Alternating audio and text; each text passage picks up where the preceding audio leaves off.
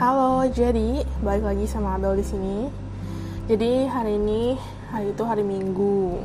Gua tuh enggak sih, enggak penting sih. Cuman ya udahlah ya. Kan kayak biasa, jangan langsung mulai ke topik. Jadi hari ini pokoknya sekarang ini hari Minggu, terus sekarang ini sudah kayak jam setengah duaan gitu di sini. Berarti kalau di Indo jam setengah satuan ya.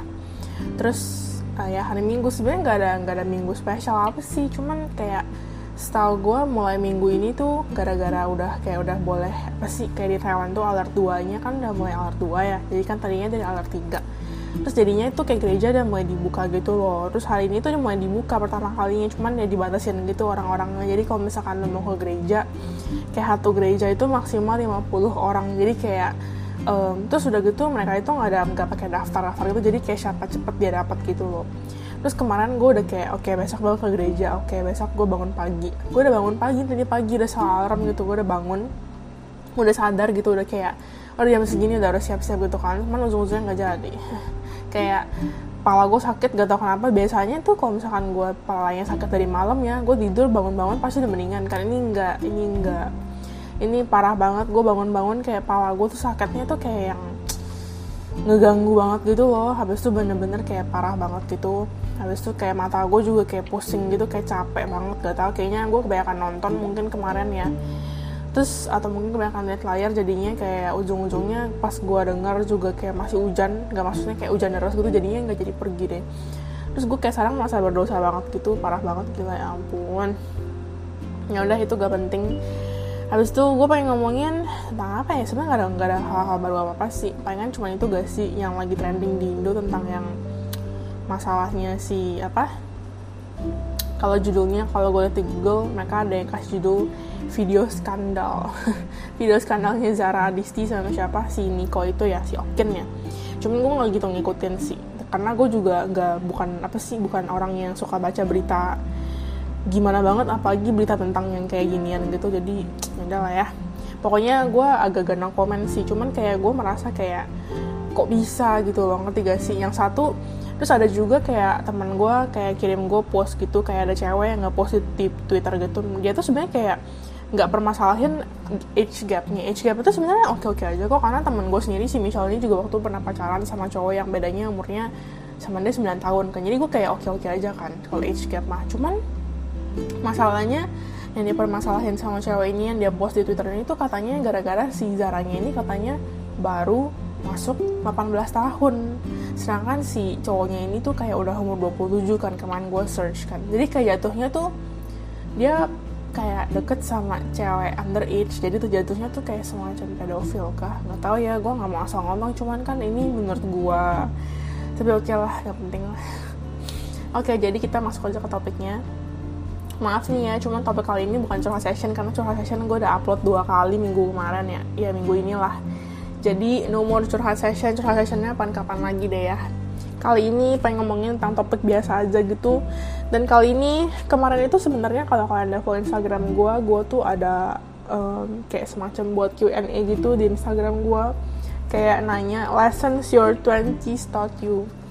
Jadi hari ini kita pengen ngomongin tentang itu. Kayak pelajaran apa aja sih yang sebenarnya um, umur 20-an ini tuh ajarin kalian gitu loh. Kayak the lessons yang bener-bener kalian bisa petik dari umur memasuki umur 20-an ini gitu. Karena pasti umur 20 sama umur belasan beda kan ya. Nah ya udah kita pengen ngomongin itu. Dan nanti di akhir bener-bener di akhir podcast ini gue bakal juga ngomongin menurut gue pribadi menurut seorang Abel gitu lessons apa gitu yang selama ini yang pokoknya umur 20-an ini mengajarkan gue deh. Maksudnya mumpung gue kan sama teman-teman gue yang sangkatan kan juga kita kan baru umur masuk umur 20-20 gitu kan. Jadi ya maksudnya masih kayak fresh gitu lah jadi umur 20-an gitu. Jadi yuk kita bahas aja. Terus sebenarnya ini respon teman gue dibilang banyak banget enggak tapi dibilang dikit juga enggak. Jadi kita coba aja bahas satu-satu sering berjalannya podcast ini ya dan kalau misalkan nanti yang menurut gue masih agak kurang maksudnya pembahasannya masih kurang um, panjang gitu nanti gue bakal tambahin dari salah satu post Instagram yang kemarin gue ketemu gitu deh pokoknya oke okay? sama yang ngomongin yang menurut gue pribadi aja gitu Oke jadi pertama, um, gue kayaknya nggak akan ngomongin nama lah ya takutnya nanti mereka ini gak usah lah ya, gue kasih ya anggap aja teman A, teman B, teman C gitu lah ya. Oke jadi yang pertama dari teman gue, teman gue teman SMA nih, teman A, cowok deh kayak respon ke question sticker gue dia ngomong hidup ini bangsat. gue suka banget nih pas gue baca ini gue kayak wow ini ini emang bener sih. Jujur ya gue gak, gak tahu ya maksudnya kan pengalaman tiap orang beda-beda. Makanya kan gue kayak bilang sebenarnya kayak lu dewasa atau nggak dewasa juga sebenarnya diukur dari experience gitu loh. Gak, gak diukur dari age gitu loh. Terus untuk pernyataan yang hidup ini bangsat itu gue ini bener sih. Maksudnya kayak sejak memasuki umur 20-an itu kayak kalian yakin gak sih? Kayak maksudnya maksudnya bukan yakin sih kalian sadar gak sih kalau dunia itu makin gak adil? Kayak emang sih kita bakal tahu dunia itu emang gak adil dari sejak kita SD mungkin ya atau mungkin kayak SMP kayak maksudnya hal-hal kecil pun keluarga pun ah kok mami gini-gini sih? Oh kok papi gini-gini sih? Kok dia gini-gini sih? Kok temen gue gini-gini sih? Atau kok guru gini-gini sih pasti ada. Cuman maksudnya kalau dulu zaman zaman SMP sama SD menurut gue itu nggak adilnya ini masih nggak adil yang tipikal tipikal. Ya udah gak adil biasa aja gitu loh. Cuman setelah kalian memasuki umur 20-an, setelah kita memasuki umur 20 tahun ini, gue makin merasa kayak hidup ini tuh gak adil, tapi bener-bener gak adil yang kayak bener-bener anjir hidup itu keras banget, seenggak adil itu gitu sih menurut gue. Gitu, oke okay, nextnya ya, ada stiker lain, masih ada stiker lain, ada respon lain dari temen gue cewek, teman kuliah nih, nggak aja teman bela ya, dia kayak bilang, to trust no one except yourself, itu sih. Kalau untuk ini kalian pasti udah pernah lah ya dengar quote semacam kayak gini. Sebenarnya juga bener ya maksudnya pokoknya segala macam yang teman-teman gue omongin di respon stiker ini, ini di Instagram ini gak ada yang salah lah ya kan? Itu kan pendapat gitu kan. Terus ya pendapat ya pendapat di dunia ini gak ada yang salah. Jadi ya gue bakal terus ngomong kalau emang yang gak salah sih yang gak salah kayak gitu emang. Karena bener cuman kan yang gue balik lagi kayak tadi tiap orang kan experience-nya beda-beda. Jadi bisa jadi mereka ngomong kayak gitu gue gak setuju ya bisa aja gitu kan. Atau enggak bisa aja nanti gue ngomong A atau nanti teman gue ngomong apa habis itu gue kayak bilang ke kalian terus kalian gak setuju ya bisa aja. Jadi jangan kayak mikir ah enggak kok ah enggak kok bohong ya. Kayak enggak ya gini sih. Maksudnya pokoknya gue ngomong kayak gini ya ini kan berdasarkan kata ya kayak maksudnya pendapat-pendapat teman-teman gue. Jadi tolong lah jangan dihujat oke? Okay? yang kedua ini nih to trust no one except yourself. Kalau untuk gue pribadi ya bener juga sih. Ya pokoknya kayak tadi yang pertama itu emang hidup tuh bangsat. Terus ya lu pokoknya umur 20-an ini menurut gue bakal ada banyak pengalaman di mana kayak ujung-ujungnya kalian bakal benar-benar sadar oh ternyata dunia itu tuh nggak segampang itu gitu loh. Kalau untuk kasus ini sendiri ya kalau misalkan kalian ada dengerin podcast gue sebelumnya gue udah sempat bilang gak sih kalau gue tuh kayak kena tipu gitu. Kayak gue main aplikasi yang pokoknya gue main aplikasi. Sebenarnya tuh main aplikasi gampang banget cuman kayak nge-like sama subscribe YouTube orang habis itu dapat duit. It sounds like super easy money kan. Nah saat itu bukan saat itu sih ya pokoknya saat itulah. Pokoknya kemarin tuh pas gue magang gue baru main kan. Terus saat itu gue lagi nggak kerja gue lagi nggak ada income jadi ya gue kayak mikir ah mau main ah gampang easy money. Cuman ya sebenarnya gue agak ragu juga cuman maksudnya ya karena emang lagi butuh duit jadi gue kayak mikir ya udahlah coba aja gitu tacu aja. Dan setelah gue main dua minggu kayak maksudnya gak ada tipu-tipu ya udah gue percaya percaya aja dong. Eh pas gue top up pas gue naikin level pas gue bayar lagi besoknya langsung kena tipu. Jadi kayak gue kena tipu sekitar kayak enam setengah juta gitu lah. Enam setengah juta pun itu belum semua. Sebenarnya tambah 3 juta duit bokap gue karena bokap gue juga ada kasih duit kan cuman bokap gue kayak udah ikhlasin aja gitu Nah untuk kasus ini gue setuju banget makannya sama yang respon teman gue ini nih yang to trust no one except yourself gitu loh. Kayak maksudnya sebenarnya emang gak gitu ada hubungannya ya. Cuma maksudnya kalau kalau jadi kan maksud dia kayak semacam pokoknya lu percaya diri sendiri aja lah. Jangan kayak um, kayak per, pokoknya lu intinya percaya sama diri diri sendiri aja jangan sama orang lain. Kayak maksudnya satu-satunya orang yang paling bisa lu percaya ya diri lu sendiri gitu loh. Terus kayak maksudnya untuk kasus yang tadi itu emang sebenarnya gitu dan gak ada hubungannya. Cuman menurut menurut gue pribadi kayak pokoknya untuk statement yang to trust no one except yourself ini sebenarnya ini menurut gue lebih berlaku kayak gimana ya? Hmm, contoh paling gampang yang yang kepikiran di kotak gue sih sebenarnya masalah hati ya kayak kalian pernah gak sih dengar misalkan kalian kayak ada masalah sama pasangan kalian habis itu nanti kayak misalkan kalian pengen putus cuman kayak sebelah kalian masih sayang. Terus ujung-ujungnya kayak um, hati kalian tuh ngomongnya apa tapi sebenarnya otak kalian tuh sebenarnya gini-gini gitu kayak ya udah. Kayak kalian tuh ujung-ujungnya harus ya udah percaya sama diri kalian sendiri kayak kalian tuh maunya apa kalian harus tahu sendiri kalian tuh maunya apa gitu aduh tapi maaf ya kalau misalnya penjelasannya agak kurang gak nyambung karena gue juga bingung sih sebenarnya mau gimana ya ngomongnya ya. To trust no one except yourself ntar deh ya kalau misalnya berjalan sering berjalannya waktu terus kalau tiba-tiba gue keinget gue bakal ngomongin tentang itu. Ngomong-ngomong ya ini kan lagi hujan ya di luar ya. Terus gue udah setel AC panas banget gue gak ngerti dah kenapa sih. Gila loh bete banget gue udah panas udah gitu AC mahal gila emosi banget gue sampai keringetan dong. Bentar ya gue setel AC dulu gue dinginin dulu ya. Habis itu kita akan bahas lagi nih. Nextnya nih ada teman gue ini kakak kelas gue sih beda tiga tahun sama gue dia dia terakhir yang gue tahu dia kuliah di Singapura terus sekarang udah kerja sih. Terus dia ngomong temen cowok nih dia kayak ngomong you're always on your own. Nah ini juga ini sebenarnya mirip-mirip sih sama tadi responnya teman gue yang cewek yang to trust no one except yourself. Pokoknya kalian semakin gede kalian tuh um, gini gini gue tau gue tau gue tau kalian semakin gede kalian tuh harus sudah tahu sendiri kalau misalkan udah masuk dunia dunia pekerjaan kayak gini dunia dunia perkuliahan kayak kayak gini ya. Gak ada orang yang benar-benar bisa kalian anggap temen loh. Ada tapi maksudnya kayak maksudnya tuh kayak gimana ya? Kayak kalaupun ada tapi nggak semua orang akan benar-benar mendukung lu benar-benar dari nol sampai benar-benar lu sukses gitu. Bahkan even your own best friend gitu loh ngerti gak sih ini gue bahas topik ini maksudnya kayak maksudnya gue menjelaskan ini untuk kedua respon ini lah ya yang you're always on your own sama yang to trust no one except yourself ini ya. Jadi um, namanya kalian udah kuliah. Kalau misalnya kalian udah kuliah berarti kalian bentar lagi masuk ke dunia kerja kan. Nah dunia kerja itu keras banget. Jadi kalian tuh bener-bener kalian tuh nggak bisa kayak mikirnya kayak ah nanti kita kerja bareng ah nanti kita kerja bareng yuk nanti kita kerja bareng di sini yang nggak bisa. Masalahnya experience lu dengan experience teman lu sendiri itu udah beda. Habis itu kayak skill yang kalian punya juga udah beda. Kemampuan bahasa kalian habis itu kemampuan kayak how you interact with your um, with your boss atau mungkin how you interact with your kayak customer atau guest gitu tuh juga beda. Jadi orang akan satu saat melihat lu lebih kayak oke okay dibanding temen lu dan satu saat orang akan melihat temen lu jauh lebih oke okay juga dibanding lu. Jadi kayak untuk masalah kayak udah masuk umur 20-an gini kalian tuh harus bener-bener berpikir kayak kalian tuh sebenarnya gede maunya apa kerjanya apa gitu loh. Jadi kalian tuh bener-bener gak bisa udah masuk umur 20-21 tahun gini ya kalian gak bisa kayak masih santai-santai atau mungkin kayak masih enak-enak kayak mikir ah gampang lah nanti kita gak paling bareng ya di sini ya gak bisa kayak gitu. Karena ujung-ujungnya kalau kalian apply bareng sama teman lu nih ujungnya nanti kalian saingan sama teman kalian sendiri kan? Dan kayak maksudnya pasti nggak mungkin dong kalian level kayak kemiteran kalian sama teman kalian tuh sama. Karena kemarin tuh pas yang bener-bener awal magang banget ada nih temen gue di sini cewek. Satunya ini tuh jago banget Mandarinnya. Habis itu bisa kayak bahasa Thai bahasa Thai itu kayak bahasa Taiwan gitu lah. Bahasa Taiwan tuh kayak semacam mirip-mirip dikit antara kayak Hokkien atau sama apa kayak campuran semuanya. Cuman sebenarnya nggak sama. Mirip-mirip dikit doang kayak cuman mirip 5% doang gitu nggak? Tiga sedangkan yang satunya tuh cuman kayak pinter Inggris Inggrisnya kayak cepat-ceplos gitu. Cuma sebenarnya grammarnya juga jelek. Jadi kayak yang satu pede ngomong Inggris pede ngomong Mandarin cuma sebenarnya jelek. Mandarin juga jelek Inggrisnya juga jelek maaf ya gue bukan ngatain cuma maksudnya itu emang fact. Karena maksudnya yang menurut maksudnya yang berpendapat seperti itu tuh bukan gue doang. Ini gue ngomongin dari pendapat teman-teman gue juga. Ya maksudnya di sini gue ngomong juga bukan berarti gue ngatain dia punya jelek tapi gue punya lebih bagus atau mungkin gue punya bagus enggak loh ya. Cuma maksudnya emang kita menyatakan state aja gitu kan. State maksudnya. Abis itu kayak yang satunya ngomongnya cepat ceplos kayak gitu tapi sebenarnya jelek grammarnya juga hancur ngomongnya juga seadanya aja tapi pede. Tapi yang satunya Inggrisnya kayak B aja. Inggrisnya mungkin lebih jelek daripada yang satunya. Cuman Mandarinnya jago banget dan mereka mau apply ke hotel yang sama. Terus kayak maksudnya eh kita apply hotel yang sama yuk gini gini gini gini gitu kan.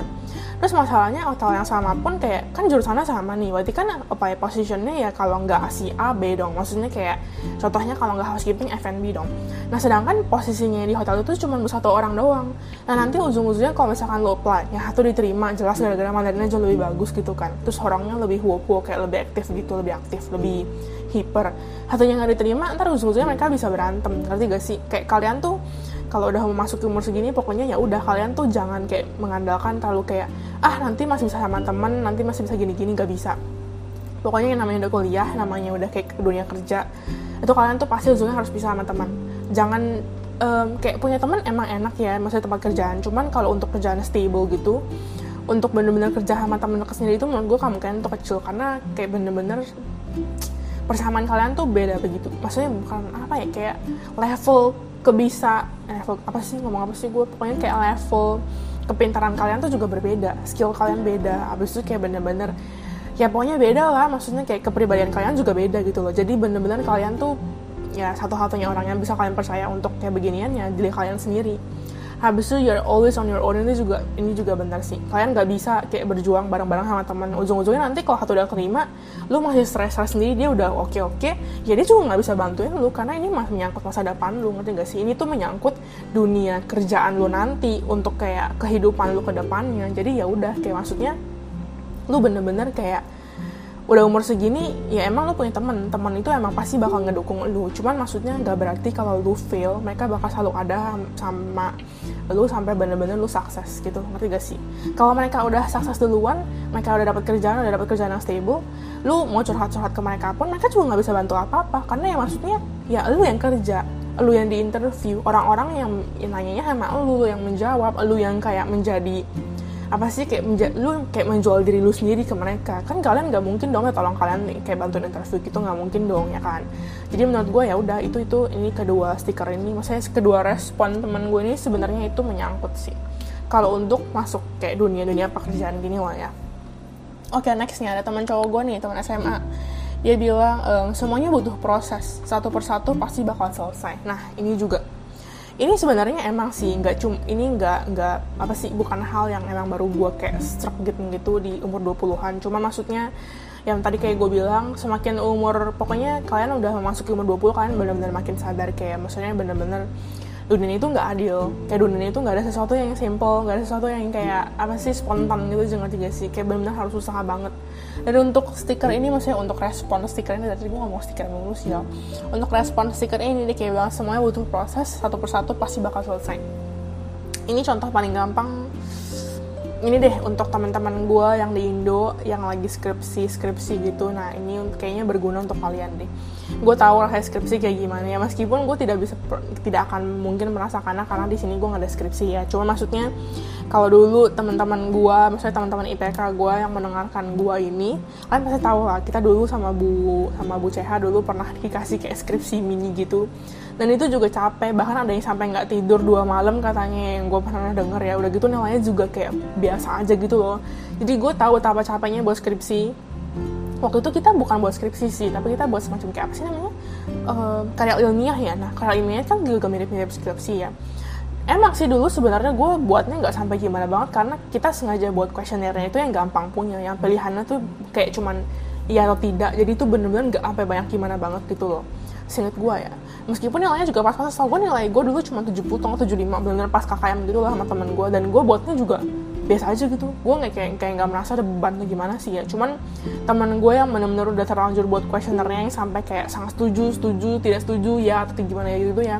Tuh kasihan banget bener-bener sampai kayak ada yang um, apa ya kayak setahu gue ini temen gue ini nih yang respon stiker gue ini nih setahu gue dia juga waktu tuh ngeprint karya ilmiahnya itu benar-benar pas hari H.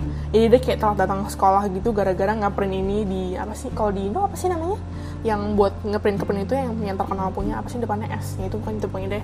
Terus harganya mahal katanya sampai satu juta lebih yang ngeprint kayak ginian. Mahal banget kan? Tapi untung sih katanya nilainya bagus. Jadi tuh kayak bener-bener buat kalian nih khususnya untuk teman-teman gue yang lagi menghadapi ini ya. Menghadapi udah menghadapi skripsi atau enggak kayak lagi mau kerjain skripsi atau mungkin lagi berusaha ya tentang ada skripsi skripsinya atau enggak buat kalian yang lagi cari kerjaan yang udah lulus ini berlaku untuk kalian sih. Gue tahu saat ini mungkin kalian kesusahan ya. Kayak gue juga bisa merasakan karena kemarin gue juga bener-bener kayak gue bingung gak ada kerjaan gak ada duit di mana kayak gue jadi gue bener-bener gak ada income. Dan kayak ya gitulah pokoknya adalah masa tentang duit gitu kan sama kerjaan. Dan gue juga bingung cari kerjaan di mana kayak bener-bener kayak takut gitu loh. Pokoknya ya life crisis lah. Tapi habis itu pasti ada waktunya kok tenang aja gitu loh. Kayak maksudnya um, kalian selesaiin satu-satu lah kayak skripsi kalian tenang dulu. Kalau misalkan emang kalian stres gitu kalian coba istirahat dulu. Kayak cari sebagai distraction dulu habis nanti baru kerjain lagi. Pokoknya jangan jangan kayak give up lah. Terus untuk kalian yang cari kerjaan gue tahu mungkin cari kerjaan saat ini coronanya emang lagi susah. Jadi ya maksudnya kalian sabar aja. Kalau misalkan emang udah waktunya pasti ketemu kok. Gue ngomong kayak gini bukan karena ah lu mah ngomong ngomongnya gampang. Lu kan di sana kan cari kerjaan banyak. Ya maksudnya kita di sini cari kerjaan pun lowongannya banyak tapi banyak juga yang nggak mau terima anak luar loh. Jadi jangan kayak menggampangkan kalau gue cari kerjaan di sini itu juga gampang gitu loh. Padahal sebenarnya susah. Bahkan tahun lalu aja ya tahun lalu pas 2020 kan gue udah mulai liburan sekolah itu dari Juli eh dari Juni Juni akhir kan. Dan gue baru dapet kerjaan September loh. Jadi gue benar-benar nganggur dari Juli sampai Agustus. Tapi untungnya waktu itu posisinya gue masih ada duit. Masih ada duit dari gaji-gaji sebelumnya dan gue masih ada dikirimin duit bulanan kan. Jadi kayak sama Juli Agustus ini sebenarnya meskipun gue sedih gue gak ada kerjaan meskipun gue nganggur tiap harinya kerjanya cuma bangun siang bawa pagi nonton main jalan-jalan ngabisin duit gitu ya. Tapi kayak ya Loki sebenarnya ya gue sedih karena gak dapet kerjaan. Gue kalian harus tahu tahun lalu itu ya gue sama teman gue si Michelle ini kita interview sampai 10 kali lebih loh baru dapet kerjaan terus kayak bener-bener kayak kita udah capek banget makanya ujung-ujungnya karena kita stres nggak dapet kerjaan kita kayak ya udah kita jalan-jalan ke Thailand lah ke Taichung lah. Ya maksudnya meskipun buang-buang duit cuman at least kayak itu sebagai distraction kita biar kita nggak terlalu kayak down banget gitu loh. Gue inget banget tahun lalu gue interview interview yang ke 11 gue baru dapet kerjaan loh. Itu pun interview yang ke 11 ini itu tempat kerja yang gue sekarang ini yang Oyster Amalat ini yang Asian ini nih. Itu pun gue tahu dari kakak kelas gue jadi kalau nggak ada dia kalau gue nggak ketemu dia di bus waktu itu gue nggak akan dapat kerjaan ini kayaknya sih gitu sih. Karena sumpah waktu itu bener-bener tahun lalu gue struggle banget juga nyari kerjaan. Kayak gue gue kan tinggalnya di Shaokang ya. Habis itu waktu gue pernah interviewnya yang sampai out city jadi kayak kalau naik MRT tuh sampai kayak sekitar 13 station ada gitu loh. Jadi kayak perjalanan juga mahal. Udah gitu dari tempat gue sekarang sekolah ke MRT station juga harus naik bus. Jadi kayak bener-bener perjalanan tuh effort banget ngerti gak sih? Udah gitu gue inget banget waktu tuh gue sampai sana hujan gitu kan. Sampai sana interview langsung ditolak gara-gara mereka maunya orang yang bisa ngomong bahasa Jepang. Terus waktu itu gue kan belum ada motor gue belum ada motor habis itu gue belum ya pokoknya gue belum ada motor kan. Jadi kayak benar-benar struggle banget kayak gue udah interview jauh-jauh jauh-jauh langsung ditolak. Dan itu benar-benar gue ingat banget itu interview ke 9 atau ke 10 gitu loh terus at some point gue bener-bener emang udah pengen give up gitu loh. Gue kayak mikir udah udahlah kayaknya emang gak ditakdirkan untuk kerja ya udahlah nanti aja kita ngandelin hotel aja gitu kan. Tapi eh habis itu pas gue balik-balik dari jalan-jalan bener-bener selama dua bulan dan kita berfoya-foya balik-balik ketemu kerjaan. Terus di saat gue ketemu kerjaan si Michelle juga langsung keterima kerjaan habis jadi kita jadi itu kita kayak kita kayak down bareng. Kita kayak sama-sama stres bareng gak dapet kerjaan bareng. Tapi di saat yang dapet kerjaan Hato juga dapet. Jadi kayak maksudnya menurut gue ada saatnya gitu loh. Kayak maksudnya kalau ini tapi gue ngomonginnya kayak dari sudut pandang gue sama kayak dari pengalaman gue sama Michelle ini loh ya.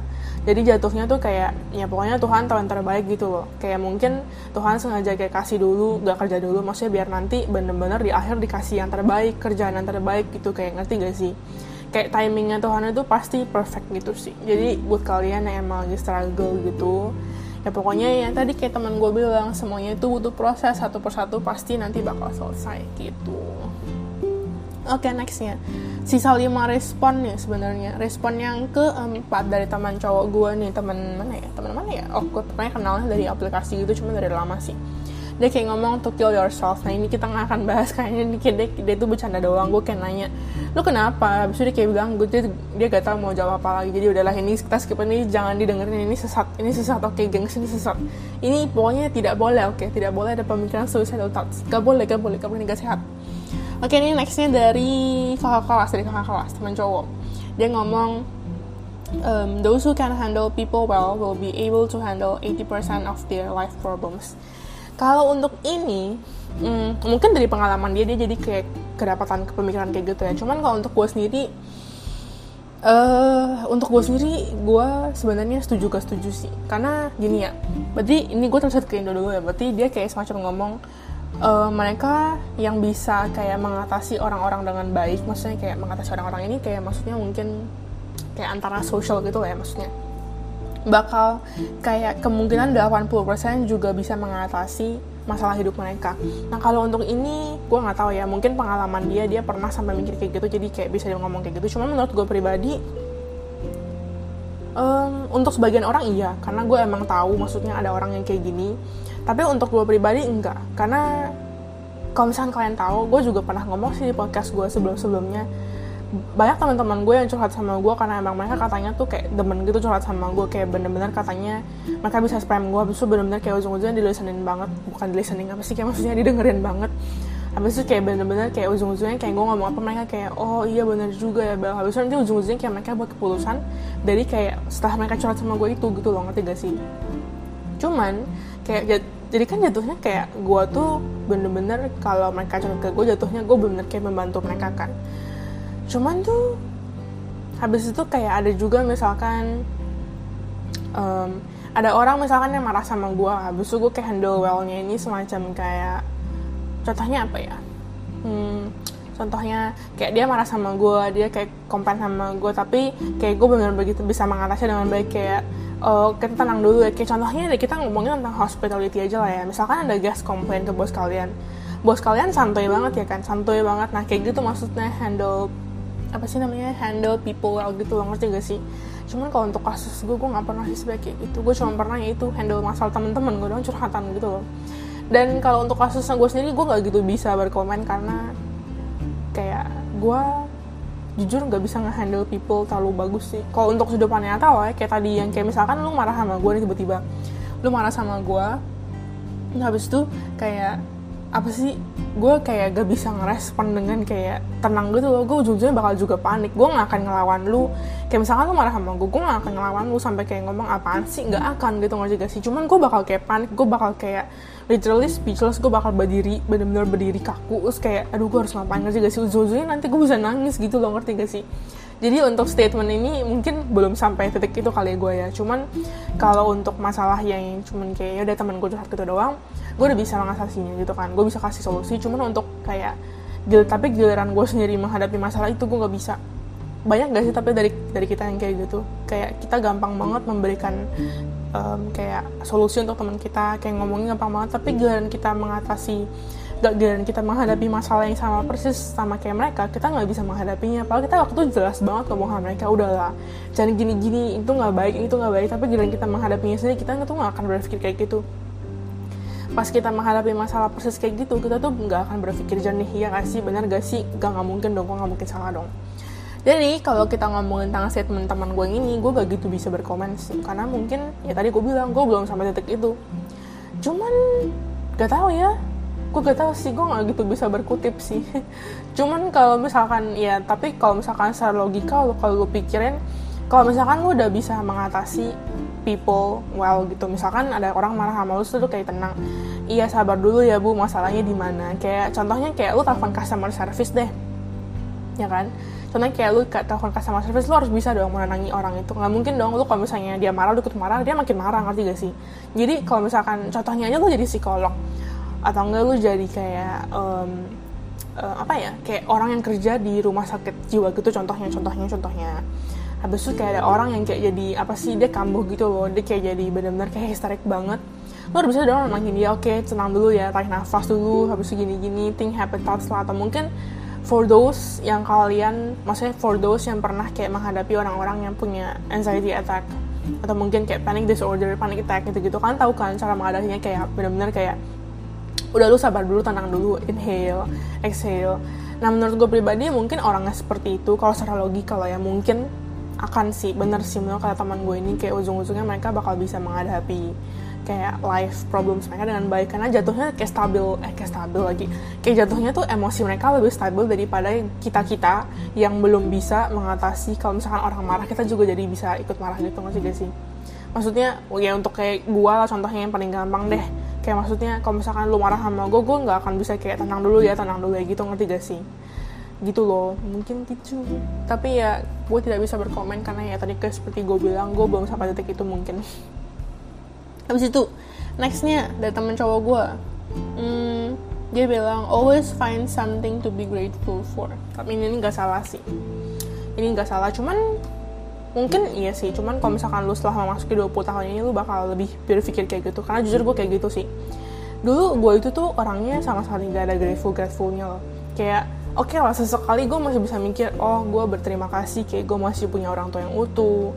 Habis itu gue kayak masih bisa hidup gak kesusahan. Maksudnya gue masih punya mobil di Indo masih bisa jalan-jalan gini-gini ke luar negeri masih bisa sekolah di luar negeri gini-gini kan. Cuman dulu gue gak akan sampai mikir kayak wow I'm super blessed. Ngerti gak sih? Cuman semenjak kuliah ya semenjak kuliah lebih tepatnya semenjak umur 20 ini kayak gak tahu ya mungkin kalau misalnya kalian udah masuk umur 20 kalian mungkin bakal lebih apa ya kayak mungkin bakal lebih ke kerasa. Kayak mungkin bakal lebih terasa gitu loh. Kayak maksudnya oh ternyata gue hidupnya tuh selama ini tuh beruntung banget ya gitu loh. Ngerti gak sih? Karena setelah gue masuk ke umur 20 tahun maksudnya kayak setelah gue masuk ke umur 20 ini juga ya kayak gue tuh makin banyak ketemu orang-orang yang ternyata tuh gak seberuntung gue oke okay lah kalau misalkan lu kalau misalkan mau bandingin hidup lu dengan orang lain pasti nggak akan ada habisnya. Kayak maksudnya kayak ah dia mah hidupnya lebih enak gue mah hidupnya lebih menderita dia lebih kaya dia lebih berduit dia lebih bisa jalan-jalan lebih bisa ini itu. Kalian kalau misalkan if you keep comparing yourself to others ujung-ujungnya kalian gak akan bisa jadi kayak bersyukur. Ngerti gak sih? Karena kalian selalu melihatnya lebih tinggi melihat lebih kaya melihat lebih sukses melihat lebih gampang kehidupannya. Cuman sekalinya kalian melihat ke bawah dikit aja coba deh kalian sekali sekali coba melihat ke kaum kaum yang lebih mungkin tidak berada daripada kalian. Gak usah ngeliat kaum kaum yang benar-benar sama sekali gak punya duit loh ya. Coba kalian lihat aja ke teman-teman kalian yang paling deket deh yang sebenarnya nggak gitu nggak gitu banyak duitnya sebanyak duit kalian. Yang benar-benar hemat atau enggak kalian anggap pelit. Kan pasti bakal langsung merasa ternyata gue lebih beruntung daripada dia. Kayak gue nggak kesusahan seperti itu duitnya. Gitu ngerti gak sih? Kayak gitu sih ini menurut gue ya ini sama sekali nggak salah gitu pasti pokoknya di saat kalian lagi kayak bener-bener merasa kayak kok hidup gue sak banget gitu ngerti gak sih? Kalian tuh sebenarnya salah satu cara di mana kalian gak, gak mikir kayak gitu ya itu. Kayak temen gue bilang ini nih always find something to be grateful for. Jadi di saat kalian benar-benar lagi merasa kayak kok gue hidupnya gini banget sih? Kalian tuh sebenarnya harus punya sesuatu yang disyukurin biar kalian tuh nggak merasa kayak hidup kalian tuh kayak jelek banget ngerti gak sih? Gitu. Kayak gue kemarin itu pokoknya pas lama magang jadi tuh kayak gue maksud teman-teman di sana kan uh, mereka tuh orang ini asli kan orang kayak daerah asli gitu kan. Terus jadinya ya gue gak akan bilang sih kalau misalkan mereka miskin maaf aja lah ya bukannya kasar. Gue gak akan bilang kalau mereka tidak berkecukupan. Mereka berkecukupan kok gue tahu. Maksudnya mereka masih bisa kayak sekolah ke Taiwan. Sekolah ke Taiwan kan juga nggak murah maksudnya dibilang murah banget enggak tapi bilang mahal juga enggak jadi maksudnya at least mereka masih bisa punya hidup yang bener-bener bisa makan lah bisa punya tempat tinggal punya kendaraan gini-gini kan. Ya meskipun di sini mereka juga kerja-kerja susah cuman namanya juga Taiwan gajinya kan juga masih nggak sekecil di Indo jadi masa kalian ngerti kan. Cuman ada satu temen deket gue cowok di sana adalah maksudnya ya, ya pokoknya gitu deh. Habis itu dia tuh kayak um, nggak se fortunate gue lah anggap aja. Pokoknya nggak seberuntung hidup gue gitu aja deh ya orang tua dia katanya ada cerai. Maksudnya kalau untuk orang tua ya udah lah kita masih banyak kan dari kita yang orang tua juga udah cerai. Cuman katanya kayak maksudnya di, di Indo pun kayak di antara semua saudara-saudaranya keluarga dia tuh yang paling nggak berada gitu loh. Bukan nggak berada sampai dibilang miskin loh yang nggak maaf aja cuman kasar gitu maaf ya. Cuma maksud gue kayak di antara semua keluarganya keluarga besarnya satu-satunya keluarga yang nggak punya kendaraan mobil dia doang. Jadi kayak maksudnya di saat gue mendengar itu gue kayak benar-benar merasa kayak oh wow kayak sebenarnya kayak ternyata hidup gue tuh bener-bener kayak berkecukupan banget. Kayak maksudnya nyokap gue punya mobil bokap gue punya mobil. Terus mereka masih punya usaha sendiri-sendiri ya meskipun semenjak corona ini juga nggak seberapa karena kayak maksudnya jadinya semenjak corona ini juga omsetnya nyokap gue di toko juga kecil gitu kan nggak nyampe 5 juta. Kayak maksudnya kecil deh gara-gara kan corona kan habis itu kayak uh, jadi katanya dia cuma punya motor. Ya meskipun bukan motor murahan juga sih. Kayak masa dia bilang motor gede cuman dibilang motor gede banget. Kayak ninja juga gue cuma maksudnya tetap ada kendaraan ngerti gak sih? Cuman setelah gue dengar cerita itu juga maksudnya gue jadi lebih oh gini loh. Udah gitu teman-teman gue yang di hotel kemarin itu kan karena mereka orang daerah asli gue nggak tahu ya. Mungkin ini emang kemauan dari mereka sendiri. Cuman kayak 95% dari mereka mereka kerja. Gajinya kan gede nih. Gajinya ini nanti dibagi-bagi. Ada yang buat mereka sendiri tapi ada juga yang kayak mereka kirimin ke orang tua. Terus kirimin ke orang tuanya ini ada dari beberapa dari mereka yang katanya emang diwajibin. Kayak mana duitnya? Kayak mana katanya ditagih sama orang tuanya loh. Tapi ada juga yang emang kayak udah emang kayak apa sih kayak emang tahu oh keluarga ini di Indo lagi emang butuh duit jadi mereka kirimin gitu loh. Jadi pas gue denger itu gue kayak merasa oh wow gue kerja di sini nyokap gue tuh nggak pernah nuntut apa apa gitu dari gue kayak maksudnya oke okay, tenang tenang tenang gak boleh nangis gak boleh nangis pokoknya kayak nyokap gue tuh kayak meskipun tahu gaji gue di sini gede mereka tuh maksudnya nyokap gue bokap gue tuh nggak pernah kayak pokoknya kamu gaji gede situ kamu harus kirimin ke mami papi yang nggak pernah kayak gitu. Jadi tuh kayak gue merasa kayak bahkan kita punya gaji sendiri pun udah PT dari tahun pertama pun nyokap gue masih tetap bakal kirimin duit bulanan. Jadi kayak gue benar-benar merasa kayak oh my god hidup gue tuh beruntung banget gitu loh. Gitu sih. Makanya kalau misalkan kalian ini lagi ada masalah nih terus kalian lagi merasa hidup kalian tuh kok kayaknya jelek banget kayak sial banget coba deh kalian kayak hangout sama temen. Di saat kalian hangout sama temen ini kalian tuh bakal merasa kayak oh oke okay, hidup gue oke okay, gitu kan. Karena mereka mereka yang menghibur gue mereka yang gini-gini. Pokoknya mereka tuh kayak mood booster banget gitu kan. Nah sebenarnya hal kecil seperti itu juga harusnya kita bersyukur. Karena anggapannya kayak lu harusnya bersyukur karena ada temen itu. Ya kan?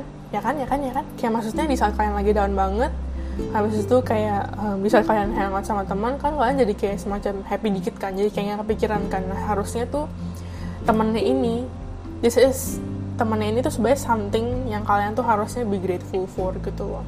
Kayak karena kalian bayangin aja kalau nggak ada mereka hidup kalian tuh bakal lebih down lagi ngerti gak jadi ya untuk statement teman gue ini yang always find something to be grateful for ini benar-benar juga bener sih.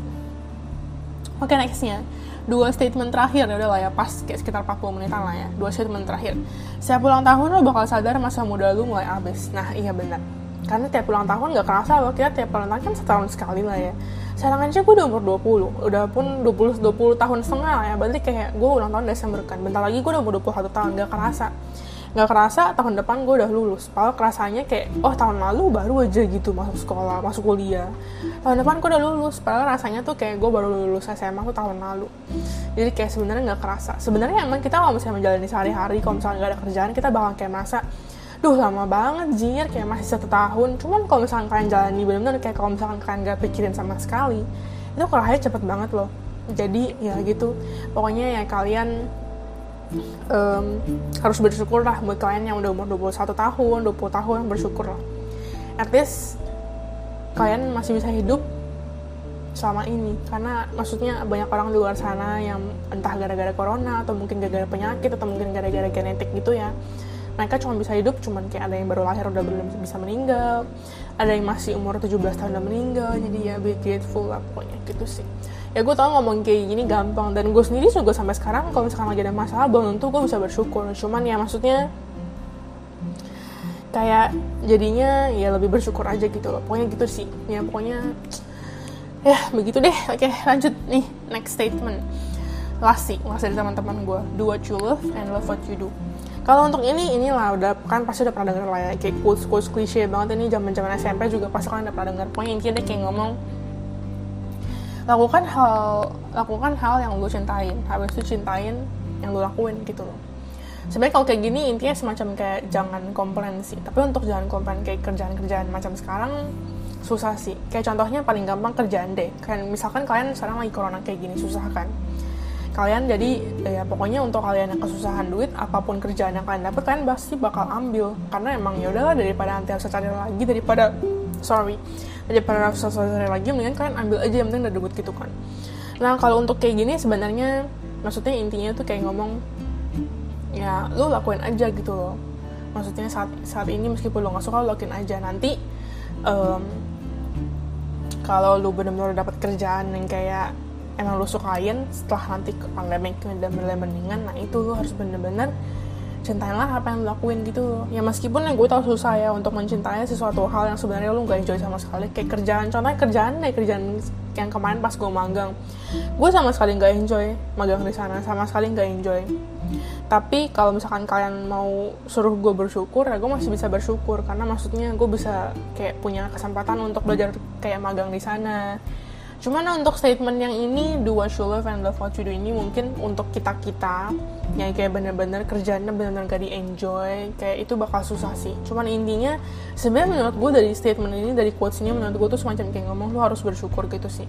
Karena dunia ini tuh nggak segampang itu. Misalkan kalian suka ngelakuin apa ya? Misalkan kalian suka gambar dunia ini tuh nggak segampang itu ngerti gak sih kalian tuh nggak mungkin nanti lulus kuliah oh oke okay, gue langsung bakal jadi gambar kayak bakal jadi gambar maksudnya kayak kalian bisa langsung jadi kayak um, painter atau mungkin jadi artis gitu. Habis itu nanti kalian bisa langsung susah nggak bisa kayak gitu. Karena dunia itu ya kejam.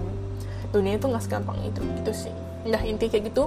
Oke jadi last sebelum kita tutup uh, podcast kali ini Gue pengen ngomongin tentang menurut gue pribadi sendiri. Maksudnya Lessons that my 20s taught me lah ya. Jadi menurut gue pribadi Ini sebenarnya nggak khusus setelah memasuki 20 tahun sih. Lebih tepatnya khusus setelah memasuki kuliah oke okay lah kayak 19 20 tahun lah gue kayak bener-bener baru serak. Kalian kayak pokoknya harus stand up sama diri kalian sendiri. Itu sih. Kayak itu yang gue pelajari dari kayak setelah gue masuk kuliah kayak mendekati umur 20 tahunan ini.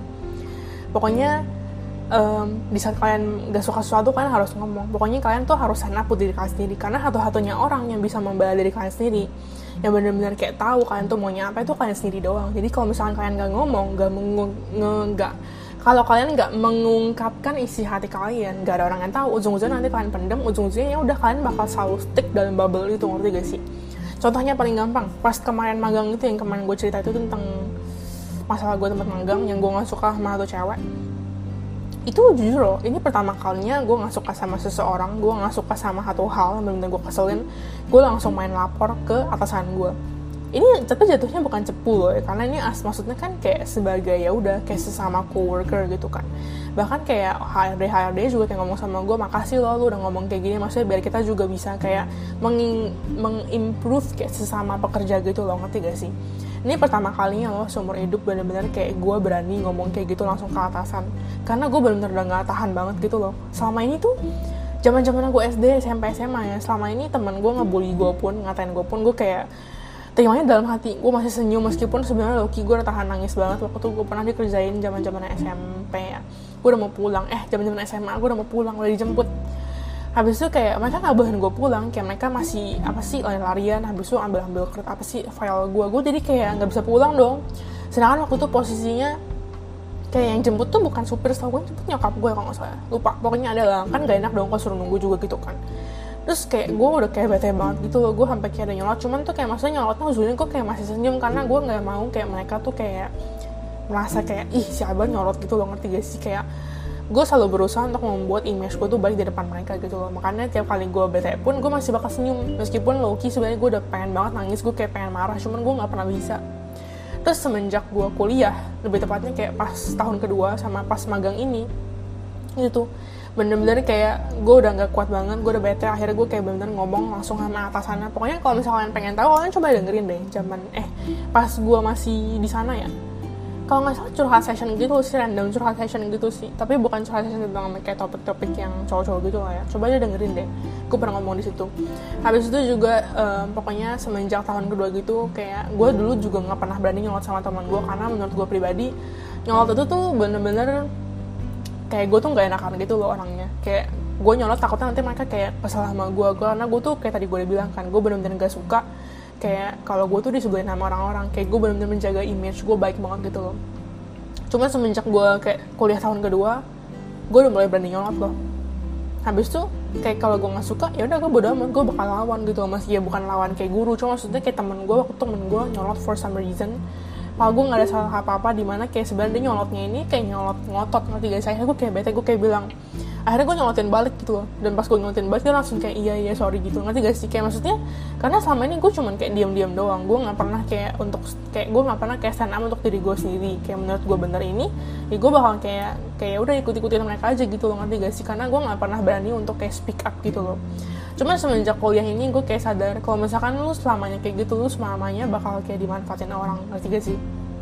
Kayak dan lu harus bisa say no sih. Lu gak lu orangnya kalau ngomong say no pun lu harus tegas. Tapi kalau untuk masalah yang say no ini yang tegas ini gue masih berusaha sih sampai sekarang. Karena sampai sekarang pun juga gue ngomong no ini kayak masih gak enakan karena gue masih kepentingin perasaan orang lain gitu loh. Kayak gue masih mengataskan kayak perasaan orang lain dibanding kayak kemauan gue sendiri. Kayak sebenarnya misalkan gue nggak suka A gue bakal kayak nggak mau ngomongnya nggak mau. Cuman tuh nggak tegas. Jadi orang tuh kayak semacam mikir kayak menggampangkan enggaknya gue gitu loh kayak gitu sih. Dan ini terjadi juga sama si Michael yang kemarin itu tuh. Makanya ya begitu deh. Pokoknya kalian dengerin curhat session gue yang kemarin itu deh pokoknya. Gitu sih. Abis itu ya pokoknya ini sih. Pokoknya intinya kalian kalau udah masuk umur 20 udah masuk ke dunia kayak pekerjaan gini kalian harus bisa kayak stick up for yourself gitu loh. Jangan mau dibully jangan mau kayak direndahkan sama sesama coworker kalian atau mungkin sama teman kalian. Pokoknya kalau misalkan kalian merasa kalau kalian kalau misalkan kalian benar habis itu kalian merasa nggak adil kan ngomong aja. Karena dan kalau misalkan setelah kalian ngomong pun mereka nggak senang ya berarti emang sebenarnya bukan kalian yang salah mereka yang sebenarnya nggak salah. Kayak untung aja kemarin pas gue laporan tentang coworker gue yang sama magang ini atasan gue langsung kayak act cepet gitu atasan gue habis keep up juga kayak gimana dia udah mendingan belum? HRD juga kayak nanya gimana itu temen lu coworkernya udah mendingan belum? Dan waktu itu kayak awalnya gue bilang enggak gitu kan mereka juga kaget. Habis itu makanya kayak kayaknya mereka coba ngomongin lagi deh. Habis itu pas mereka ngomong lagi sama coworker gue ini baru benar-benar mendingan benar-benar berubah ya. Meskipun berubahnya nggak drastis cuma maksudnya bener-bener atas kayak ya berubah nggak kayak dulu lagi. Meskipun berubahnya nggak langsung kayak oh langsung kayak dari A ke B gitu enggak sih gitu intinya udah masuk dunia kerjaan kayak gini tuh persaingan makin ketat. Kalian nggak bisa ngandelin siapa-siapa intinya. Ya intinya kalian harus bisa ya pokoknya kalian harus percaya sama diri kalian sendiri kalau kalian tuh bisa kalian tuh mampu. Jangan ngandelin orang lain karena itu bener-bener kayak ada hubungannya sama masa depan kalian. Ngerti gak sih? Karena masa depan kalian tuh kalian yang jalanin. Habis itu kalian yang kerja untuk kehidupan kalian nantinya bukan untuk kehidupan teman kalian loh ya. Teman kalian nanti nggak akan ada bantu kalian tuh satu persen pun. Ngerti gak sih? Mereka cuma bakal kayak nge-support nge-support dulu. Cuma di saat kalian susah coba kalian lihat siapa yang benar-benar bakal bantu kalian. Gak ada gue jamin. Mereka bantu pun ya palingan adalah satu orang yang benar-benar bantu. Cuma sisanya gue jamin gak akan bantu. Sisanya pasti bakal kabur gitu sih. Itu lesson learn banget sih semenjak gue kuliah sama semenjak gue masuk umur 20 tahun ini gitu sih. Pokoknya kalau misalkan udah masuk dunia kerja dunia tuh bakal jadi jauh lebih gak adil jauh lebih kejam jadi benar-benar kalian tuh harus punya mental yang kuat gitu. Ya gitu pokoknya intinya kalian tuh di dunia ini selalu sendiri kalian tuh nggak bisa ngalahin orang lain habis itu kalian bener-bener harus kayak be grateful lah untuk segala hal gitu. Ya meskipun kalian nggak suka sama kerjaan kalian kalian tetap harus bersyukur kayak oke okay, nggak apa-apa. Kalian harus kayak at least kalian tuh harus kayak ada satu cara di mana kalian di mana kalau misalnya lagi down banget kalian tuh bisa kayak bener-bener relax gitu. Habis itu kan kayak nggak apa-apa nggak apa-apa gue pasti bisa ngelewatin ini semua. Kayak kemarin pun meskipun gue benar-benar gak demen pun sama tempat magangnya gue tetap bakal kayak gue tetap ngelewatin itu semua. Makanya wali kelas gue sampai kayak ngomong kayak I see that kayak lu nggak suka sama kerjaan ini cuman at least you are coping gitu loh. Lu kan lu kayak kayak masih bertahan gitu gitu sih. Itu intinya. Ya udah gila udah 46 menit berasa kayak curhat gue beneran dah ya udah itu dulu deh kayak episodenya maksudnya episodenya untuk podcast kali ini tentang yang curhat ini nih yang Lesson your 20s taught you ini ya. Aduh maaf ya, ngomong-ngomong suara gue tiba-tiba jadi kayak serak gini. Oke, okay, itu aja dulu. Episodenya kali ini sampai sini dulu. Makasih yang udah mau dengerin ya. Habis itu kita jumpa lagi di episode selanjutnya. Bye-bye.